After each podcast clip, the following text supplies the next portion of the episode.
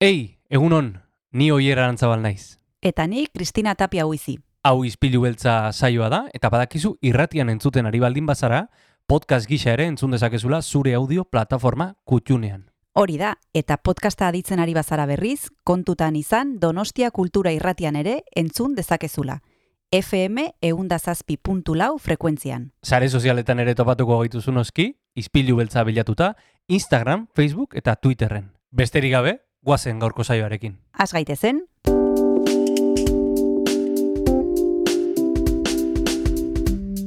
Ispilu beltza. Donostiako kulturaren berri, Oyer Arantzabal eta Kristina Tapia buizirekin. Egun honen zure irailako goita sortzi ditu, azeazkena da, eta izpilu beltzan gode zinemaldiaren ostean.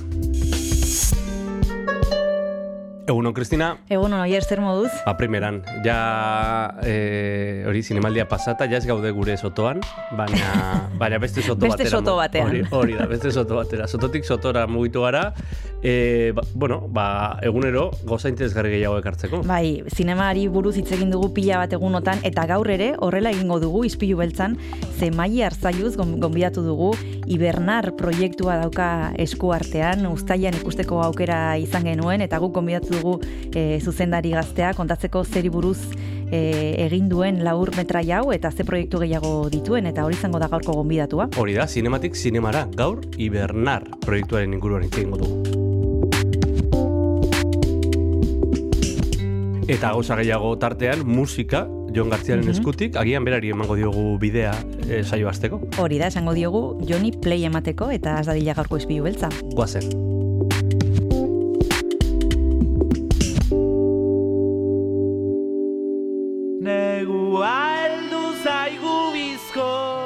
Hon eta ongi etorri berriro ere ispilu beltzara entzule, guazen gaurko saioarekin e, astera, eta horretarako ibilbedi iruñarren kantu eder bat entzungo dugu, hause da, ama. Txiste bat musu bi pantailan Komete la vidaren bat. Disfruta de la vida, chaval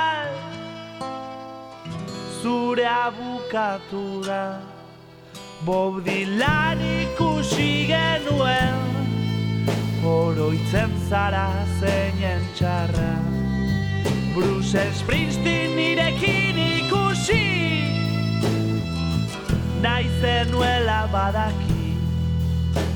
El canto del locoren bat Iruñeko zezen plaza Pati Smith donostian eta Green Day Barcelona.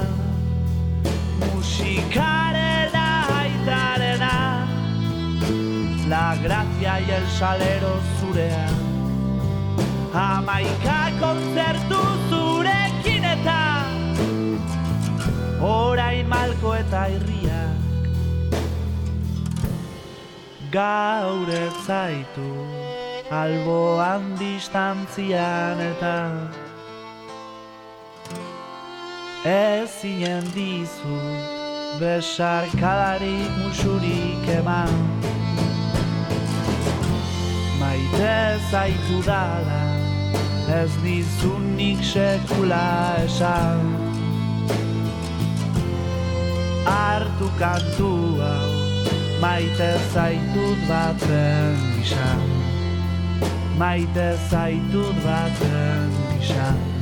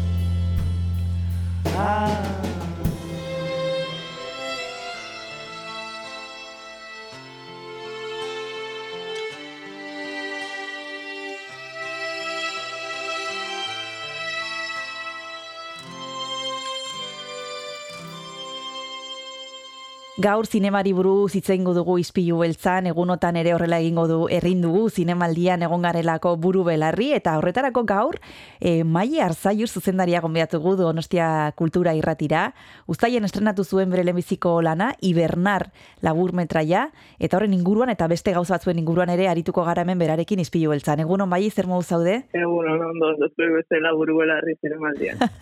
Gero hitz egingo dugu zinemaldiari buruz. Mai, esan dugu e, zure lehenbiziko lana e, aurkeztu zenuela, Ibernar izena du. E, pitxin bat kontatu iguzu, gainetik gehiegi kontatu gabe ere, zer kontatzen duzu e, lan hontan? Eh, bueno, Ibernardi joa eh, eh, konversazio bat da, aita seme batzuen artean, eta orduan eh, dijoa eh, semearen pentsamendu suiziden inguruko konversazio bat da. Ansiadearen ataken metafora batekin jolasten du denbora guztian, eta hori izango izaten gaia pixkat bai. Eta nola sortu zen proiektu hau abian jartzeko aukera? Zergatik gaia eta ezakit zerbait konkretua izan zen, guzti hau piztu zuenak edo Ba, ni darama urte batzuk eh, larretxenen ikasten, eta hor horko ambientean beti sortzen dira gauzak. Eh, oso ambiente, ba, azkenean, nintzakit, oza, inspiradorea da horregotea. Orduan, ba, beti zaude pentsatzen, jo, ba, nik ere zerbait egin bardet, nik ere zerbait egin bardet, eta ez zer jakin gabe hasi nintzen, ba, hau idazten, hasi nintzen dialogo batzuk idazten, tal cual desahogatzeko, e, balkoian, neguan, osea, e, e, inungo pretentziorik gabe, ja.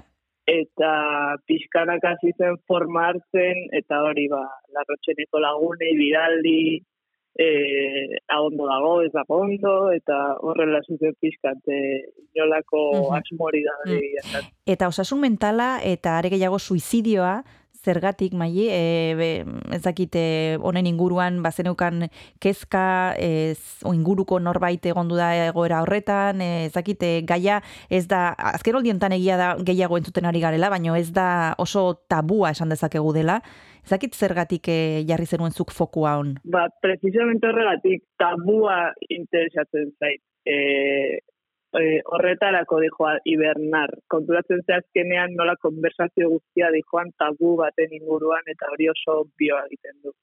Ez du inoiz direkto hitz egiten horri buruz. Horregatik konturatzen zea eta osea, ikusten zauden bitartean ere frustratzen zea zergatik ezin den direkto hitz egin gai hori buruz eta gaur egun ikusita batez ere gazteetan nolako, osea, konversazioan lagunekin eta hau, osea, beti ateratzen da. Eta orduan, e, osasun mentalaren inguruan, eh, nahi dut. Eta orduan, ba, arraro egiten da, gero zinean, oraindik ez da reflejatuta ikusten egin beste. Eta beti esaten dute ez, joi, ba, idatzi zurea den zerbaitetaz, baino universalki ulertu daiteken zerbait izatea, ez? Eta gai hau iruditzen horretarako kedaban el clavo, ez? Eta horregatik. Osea, ez dut, ez dut inolako salbatzaile bat izan nahi gaiaren inguruan, ez da ez er, osea, no quiero hacer una lucha social edo lako zer, baino, bai, osea, horregatik, batez ere, ba hori, gure artean hitz egiten den zerbait, e, kanpora ateratzeko. Hmm. Ez zuek esan duzue, Maili, bueno, zuek esan duzu e, gazteen artean bai dala gai bat e, ateratzen dena maiz, baina ez hainbeste ba, zinean eta beste disiplina batzuetan. E, egia da komunikabideetan pikin bat e, azken hilabeteotan gehiago entzuten ari garela nahikoa da? Zure ustez, e, egiten ari diren gauzak nahikoak dira? E, nik uste, osea, bai, bai egia da e, komunikabietan eta gerozta gehiago entzuten dela eta nahikoa da eta eskertzen da baino da feminismoa eta horrelako gaiekin bezala hmm. azkenan nahikoa da, baino gehiago egin behar da. Hmm. hmm. Beti dago gehiago egiteko. Eta hau duela gutxi kanporatera den gai bat izan da, bara indik gehiago. Hmm. Bueno, aipatu dugu zure lehenbiziko labur metraia dela, maili hartzaiuz, eta zuk aipatu duzu larrotxene. Ze garrantzia dauka larrotxenek e, zure lan ontan eta oroar zure ibilbidean? Joa, e, niretzat kristona ze egia da, osea, nik empresaria desikasten den, ez nahi zine mundutik, eta orduan, ba, ez dakit, Madrid, osea, azkenean, ikusten dut jendea, ba, Madridera juten dela, eta ez, e, ba, olako ausardia izan gabe, ba, hemen inguruan zinea egin nahi ba ez du, larratxene kriston aukera da, benetan, esa, ez dakit, ezin dugu, ezin dugu, benetan eskerrak eman larratxenek egiten duen ari, oza, eta orduan, batez ere horre, hor ezagutzen dezun jendea, kontaktoak, dauden irakasleak, ematen dituten material guztia, eta beti hor daude, eta egia esan eskertu da bai. Orantxe bertan itzuliko gara eta jarraituko dugu hibernar lanaren inguruan hitz egiten, Maili, baina tarte bat hartu behar dugu eta horretarako eskatu behar dizuta besti bat entzulekin partekatzeko. Ezakiz zer entzuten duzun, e, ze gustatzen zaizun, zea besti izan ba, daiteke. Orain bertan gargo izan egon zelia kruz entzuten ezakiz zergatik. Beraren zerbait. Oso, ondo bagoazen entzutera Celia Cruz. Esa negrita que va caminando, esa negrita tiene su tumbao, y cuando la gente la va mirando, ella baila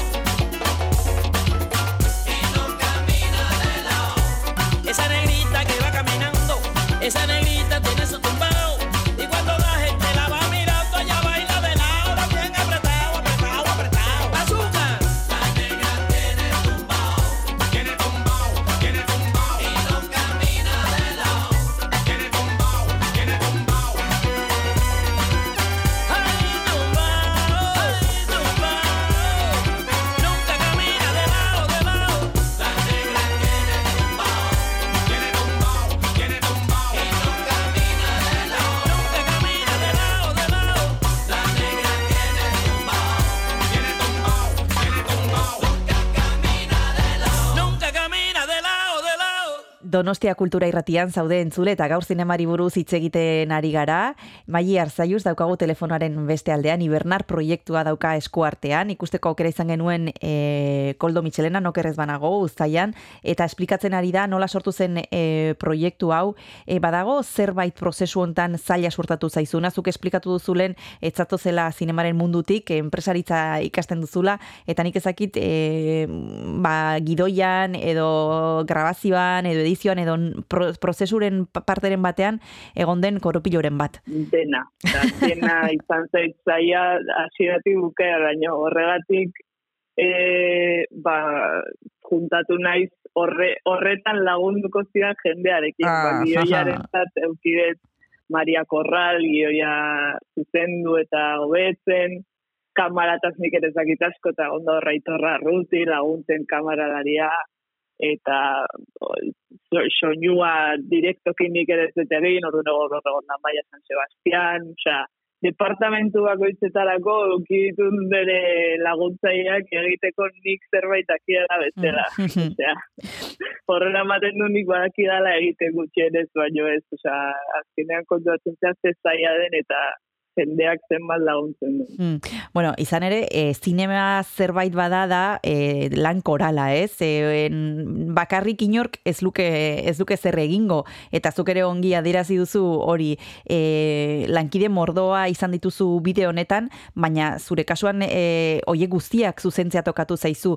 Lan hori ere e, pertsonak e, ba, kudeatzea eta bakoitzari esatea zer egin behar duen, eta hori jakin behar da ere bai, eta ez hori zaila ere egin zaizun edo erreski egin duzun. Ez, hori egia esan bastante empresariales da, azkenean zati hori eta ez dakit, nahiko natural atatzen zait, beti nago jendea lioetan sartzen nahi gabe egiten dut, eta ez zati hori arrasagoa. Bai, bai. Eta zuzendari bezala, e, maili zer sortatu zaizu ez ezagunena edo espero etzenuena bideo honetan, agian e, pelikula bat grabatzerakoan edo gidoia egiterakoan edo ez dakit e, lanaren parteren batean, esan duzu, ostras, hau ez nekien horrela izango zenik. Ba, hasieran, egia zuen, ez dut esan, hasieran gidoia mikroantzerki bat zan. Orduan, me, denborarik ez neukan udara baino lehen mikroantzerkia egiteko espazio guztiara da zeuden eta erabaki genuen bioia e, labur metrai batera ba, pasatzea, ez? Eta orduan, ba, azkenean salto hori izan zen korapillo potoloenetako bat. De hecho, aprobetsatuko dut hemen gaudela, esateko, eh, mendik bi aste barro dola farandulan egongo da. Ah, Eh, Ibernar, egongo gera ondo. seitik behatzira. Orduan, era batera da, zirkulo cerrado bezala horietako bat, ez? aha, Hori, hasi zela mikroantzerki bezala, gero labur metraia egin zan, eta orain berriro voltatuko gara. ze polita. Ba, bai, bai. Osa, que gaude, bai. Eh, esan duzu prozesu guzie zaila eh, sortatu zaizula maili, nik ezakit errepikatzeko modukoa izan den esperientzia. Bai, ez, ez dakitzeagatik eh, nahi dugun beti horrore honetatik pasa. Azkenean da, osea, estres bat, baino estres hori ona da, eta azkenean beti osea, da, lehenengo tatuajea egitea bezala, beti bukatzen zu edo hiru egiten. Bai, eta nik ezakitzen izan den e, jendeanen harrera, esan dugu e, pasatu, jar- jarri zenutela koldo Michelenan, e, udan, eta gaia esan degulen ez dela e, erraxa, normalean tabutzat e, jotzen dugu, eta publikoak nola hartu zuen zure, zure lan amaili? Zer esan zizuten? Ba, bai, hasi- hasieran hori, entzuten duzunean, jo, eta zer egitezu, suizidiari buruzko da urmetan hori, ostras, seguro zaude, mundu guztiak egiten du atzera Hmm. pauso bat bezala, ez? Mm, Hobeto, incluso egon da jendea, eh, hobeto ez egin, bai, gai hau nahiko, eta igual ez dakizu, nahikoa hitz egin asoziazioekin, edo kontu zibili, olako jende asko egon da. Baina gero egia da, ikusten dutenean, nola badatorren gidoia, e, ba hori, jakintasun pixka bate, hori ezagutzen dudan mundu horretatik, gero dago jendea, e, deskurritzen ditula beti puntu familiar asko ba, mhm. batek esaten dit, jo, Bai. esaldi hau, nei, osea, entzun dut mi aldiz, edo, jo, egia da, antxia daukan pertsonei hau pasatzen zaiela, eta zuk idazten duzu horretaz, edo. Ez da, ez du inor rekonektatzen gidoi guztiarekin, baizik eta esaldi batekin, edo Ja. beste batek beste esaldi bat, dena dago esaldi txikita eta ez beteta. Eta hori izan da harrigarriena bai. Bueno, oraintxe bertan jarraituko dugu Maia Arzaiuzekin hitz egiten. Bigarren deskantsu hartu behar dugu, lehen e, Maiek jarri du Celia Cruzen abesti bat, eta ez dakit orain bigarren tarterako zer, entzute, zer entzungo dugun. Ze, ze izan daiteke? Beatlesen edo zer gauza errexena, egia esan. Primera, magoazen entzutera Beatles. Don't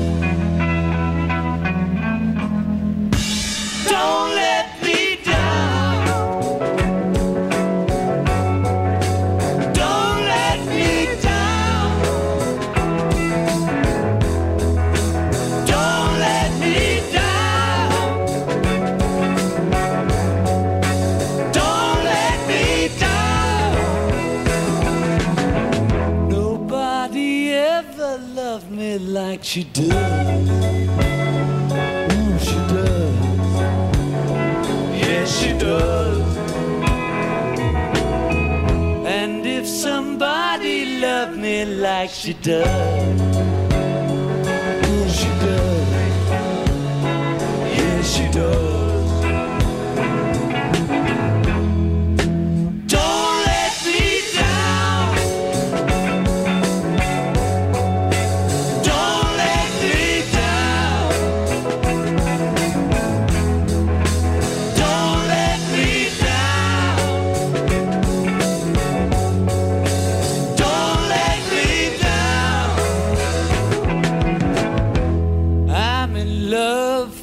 fast.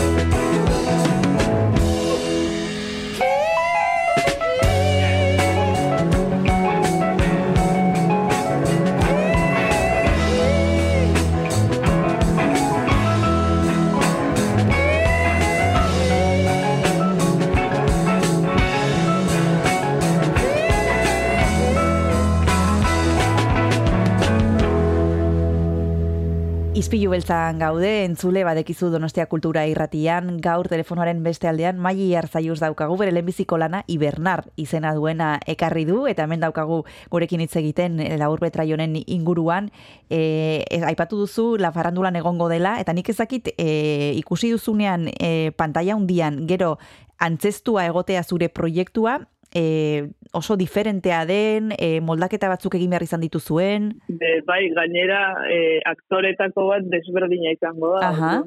Ensaioen prozesua berrio zerotik hasi beharko Ah, dugu, eta, eh, claro, azkenean dinamika bi aktoren artean landu behar da hasieratik eta ensaioen prozesua ere e, korton laburmetai bat egiteko edo e, farandulan bi metrotara pertsona bat eukitzeko oso desberdina da. Orduan ba hori, gero bukaerako lan aparte ensaio Mhm. prozesua desberdinena. Aipatu dugu lehen maili larrotxen eze garrantzitsua den e, zure ibilbidean, ze berezu e, ik, zure ikasketak e, beste, beste, leku bate, beste leku batera eramango dizute edo agian Bai. ez ez dakigu enpresaritza ikasten ari zara, e, eta nik aipatu nahiko nuke baita zinemaldia. Ezakit e, zure zure bizitzan, ez oroar, zinemaldiak ze pixu izan duen, ba, zu azkenean e, zuzendari izateko, edo meintzat e, zuzendari lanetan ibili izatea lan hontan, e, zinemaldiak ze, zer Bai, ikusi bai. du e, Ba- honen guztian? Ba, ni hasi nintzen asko bezala, e, jurado joven izaten, Mhm. eh, honintzen hor lau bat urte, eta hor hortik hasi nintzen zinema munduan pixka sartzen, eta jendea ezagutzen, eta batek azkenean komentatzen dizu larretxen, beste batek komentatzen dizu ez dakitze, eta hortik hasi nintzen pixkat. Eta gero azkenean konturatu nintzen, empresariales ikasita ere, hortik zinema mundura produktore bezala, e, pasa zaitezkela.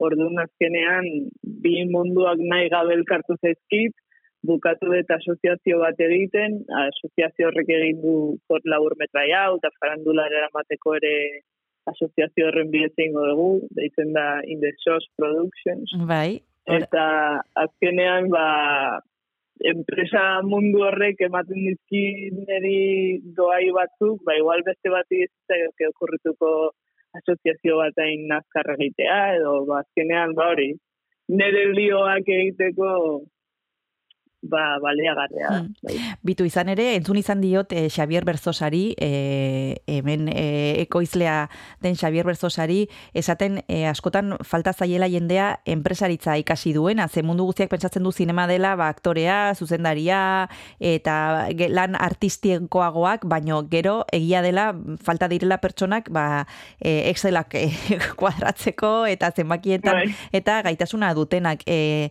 e, zuk ere hortik bideratu behar duzu zure zure ibilbidea, Maili? Ba hori da asmoa, así que Xavier Bertosa nahi banautu lanean hartu orte, karrera bukatzen dudanean. Jungo naiz beranen gana, jungo naiz, bai, bai. Ondo dago, eskerrik asko.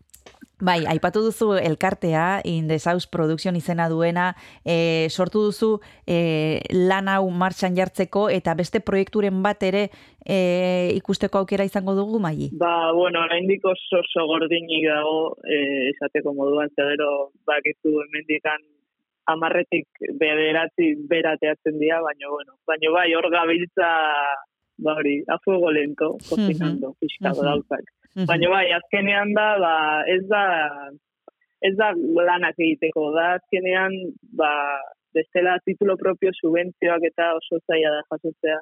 Orduan, subentzioen bidez gutxienez, lana, ba, alden nobetoen egiteko, ba, elkarte bat egotea atzean, ba, ondo dago. Eta hemendik aurrera, e, pentsatzen dut jarraituko duzula e, karrerarekin, ez dakit e, ze asmo daukazun, e, e, uste dut kanporazoa zela, ez da? E, kanpora jumar nintzen, azkenean hemen gelditu nahi, Ah, bueno, ordu. Bizitza aldatzen da, bai, bai. Baina hori bai, karrera urte bete galditzen zait, larrotxenen jarraituko eta urten, kurtso pare bat egiten, beti bezala.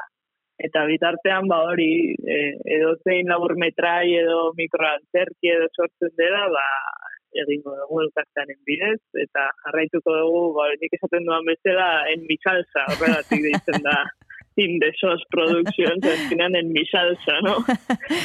eta hor, bai, horrela. Oso ondo. Eh, ez dut bukatu nahi, galdetu gabe, aurtengo zinemaldiari buruz, maili badekite egontzarela pelikulak ikusten, eta justo oraintxe bukatu da, eta galdetu nahi nizun, ezakit e, gomendioren bat, e, ezakit eh, entzuleari botaldi diozun, e, gustatzu zaizun zerbait, e, ezakit edo harritu zaituen zerbait ikusi duzun. Ba, egia zen, e, World Cup Jon Sansorena, edo sekzio ofizialean niri lelifeen, asko guztan zitzaidan, e, eta perlasetik kanez irabazizun The Triangle of Sadness ere gustora jungo naiz berriro zinera ikustera, e, eta bai, horiek esango dituzte. Mhm.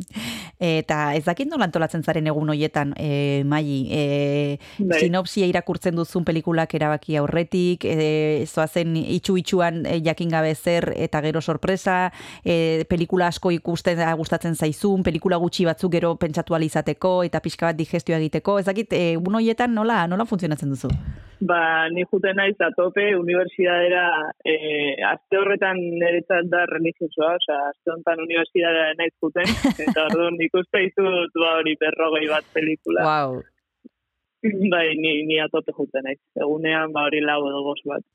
Eta, eta selekzioa egiteko egia esan, eskertu behar da kontraplanok egiten duen lana, dela barbaridade bat, eta azkenean juten dira kanesen Veneziara dena, eta hortik egiten duten kribatik, eta da pasa bat ituten lana, eta beraie, beraietaz fiatzen naiz egia zen. Bueno, ba, aipatu dituzu batzuk, e, apuntatu ditugu, e, aukera daukagun ikusteko, e, norbaitei espa, eskabatu egin behar, behar lima zaio.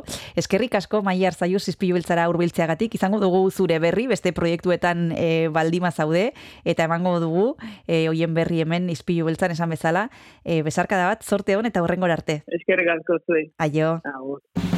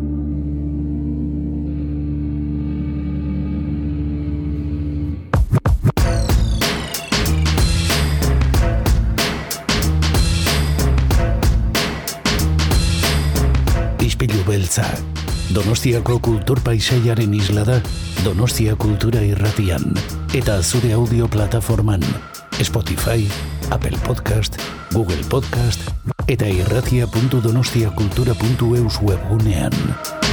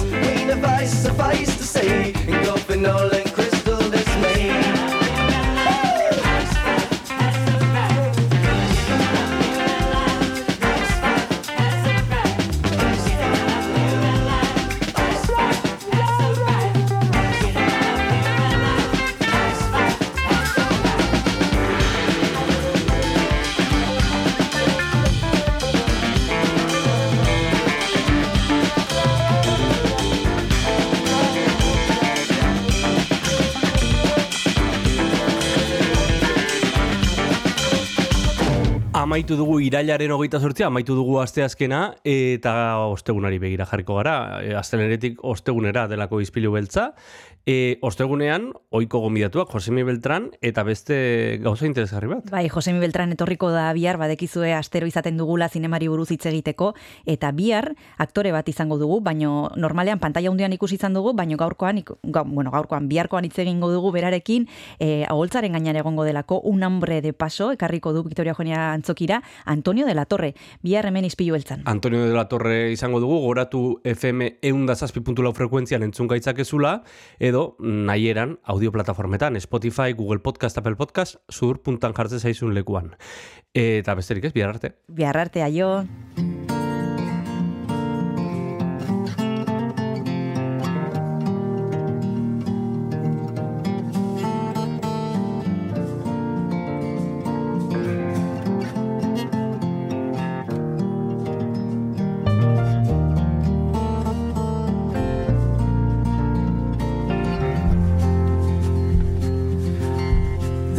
How I tell it,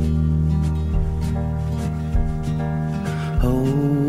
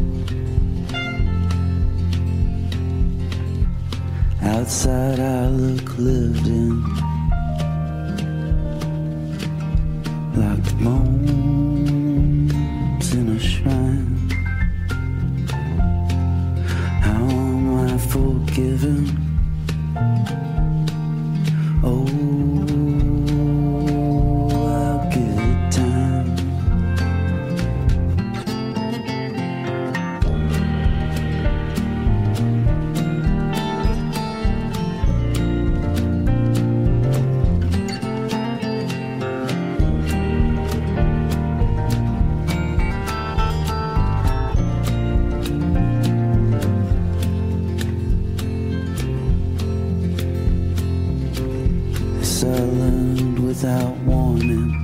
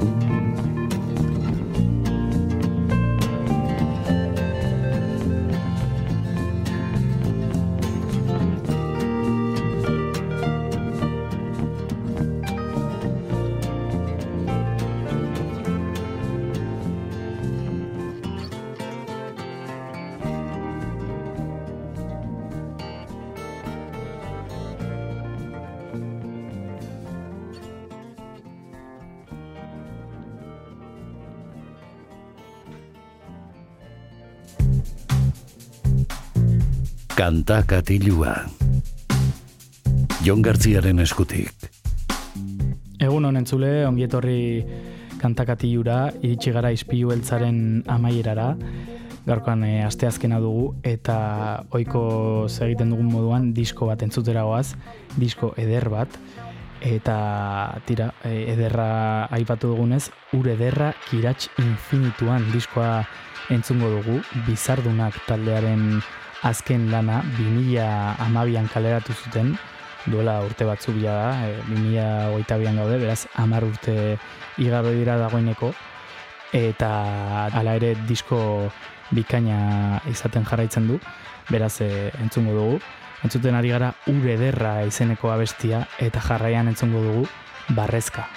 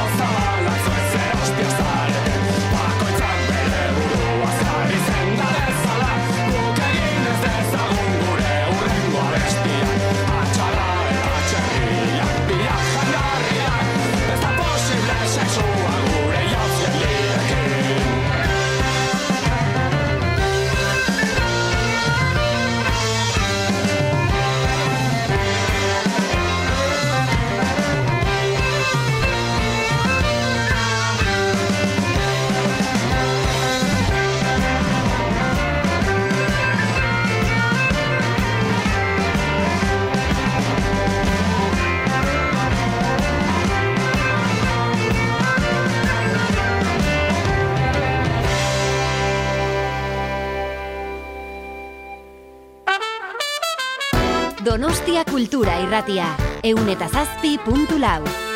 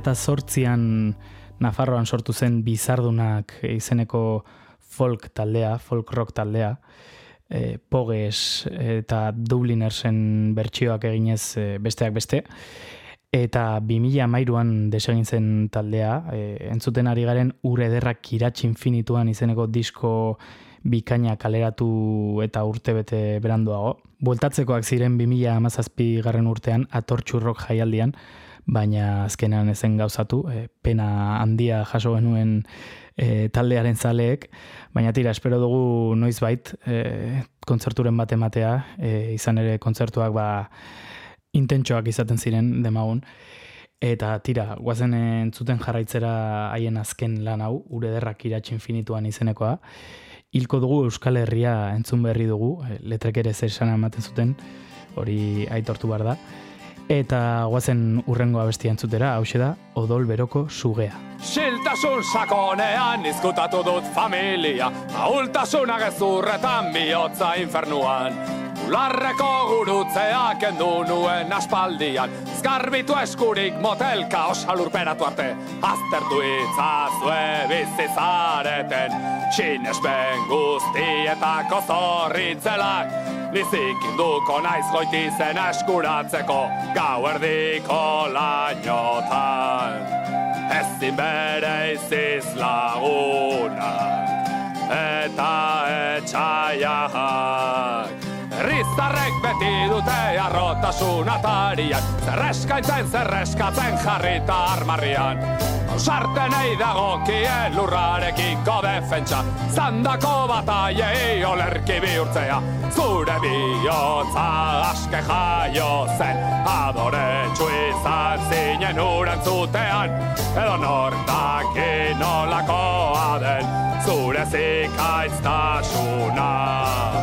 Hortxe beti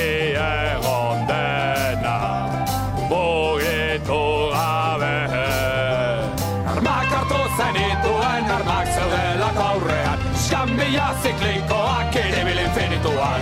Amaika razoi dituzu, amaika baita indarra, ez zara riko bakarra, familian ez talena, berdin du zein koloretakoa, duzun txapela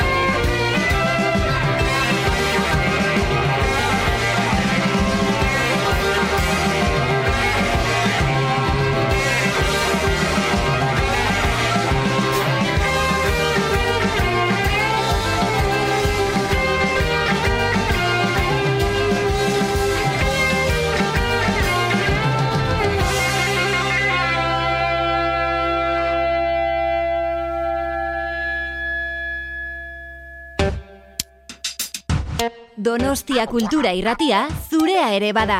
Zatoz eta parte hartu.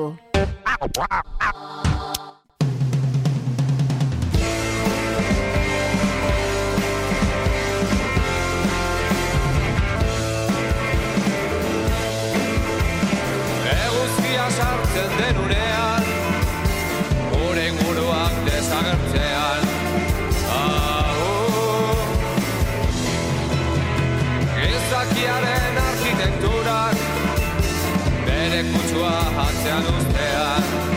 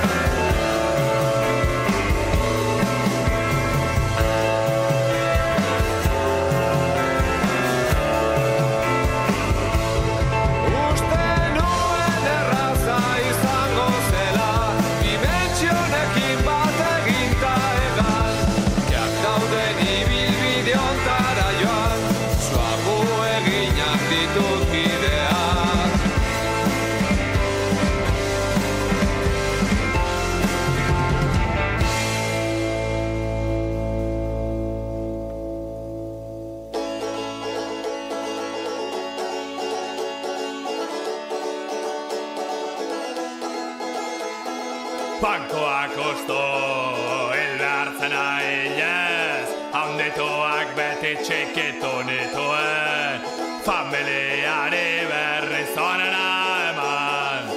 Ta orain honen laur daintzen didate Errespetorik ez zala hemen. Indigena hon batetzako Semea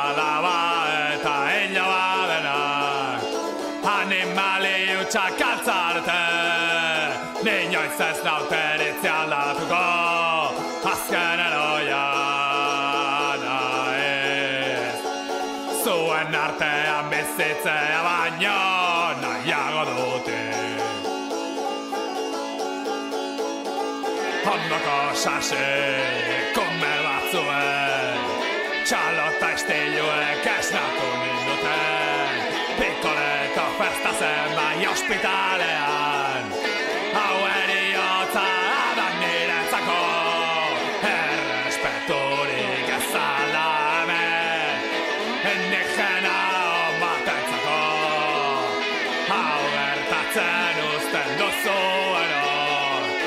espanyol utxa katzarte Ninoiz ez nauten itzialdatuko Azkera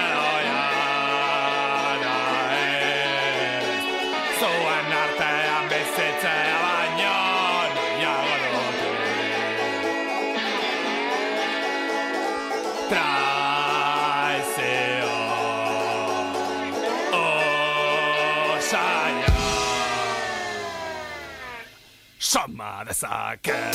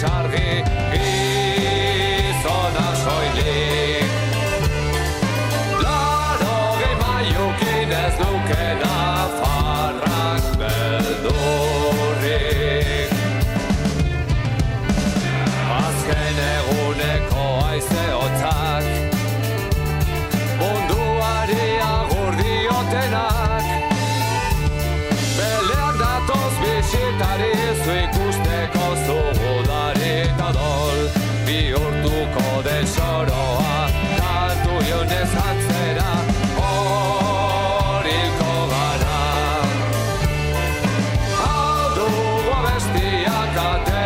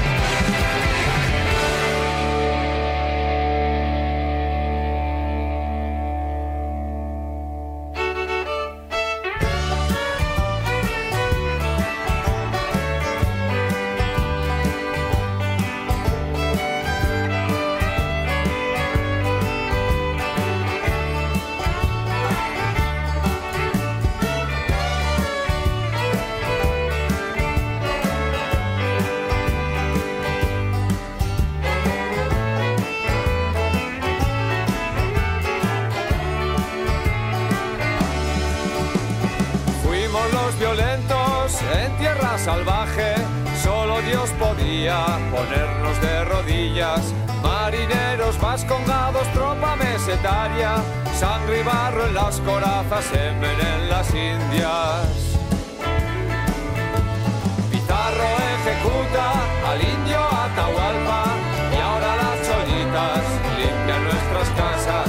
Aguirre y su cólera independencia claman. Estos vascos siempre piden su trozo de tarta. Del siglo XV al XIX, el sol nunca se puso en el y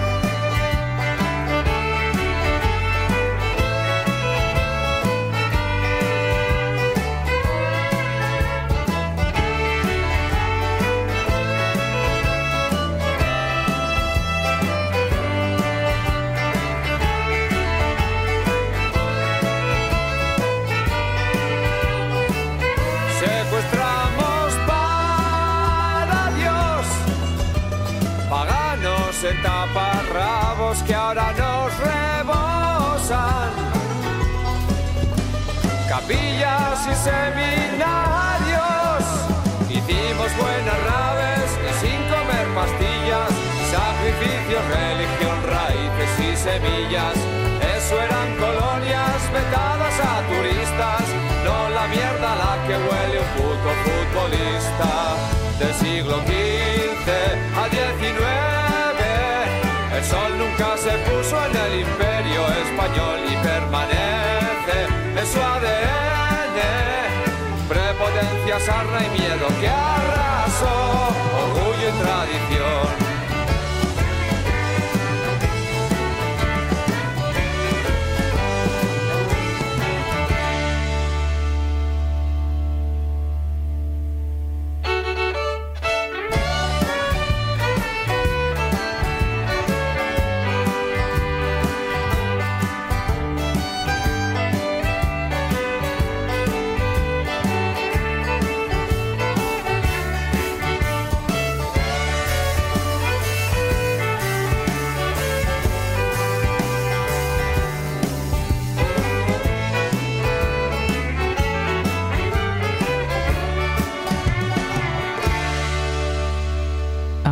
Gaurko zizpilu beltza, amaitu dugu kantakatilua, eta entzun dugu bizardunak taldearen azken lana 2012ko ur ederrak iratxe infinituan izeneko lan bikaina bertan e, roka eta folka nastu zituzten, gitarra elektrikoak sartuz lehenengo aldiz, eta espero dezagun ba, bizardunak noizbait berriro bueltatzea, behintzat kontzerturen bat ematea, izan ere zaleak e, zain daude.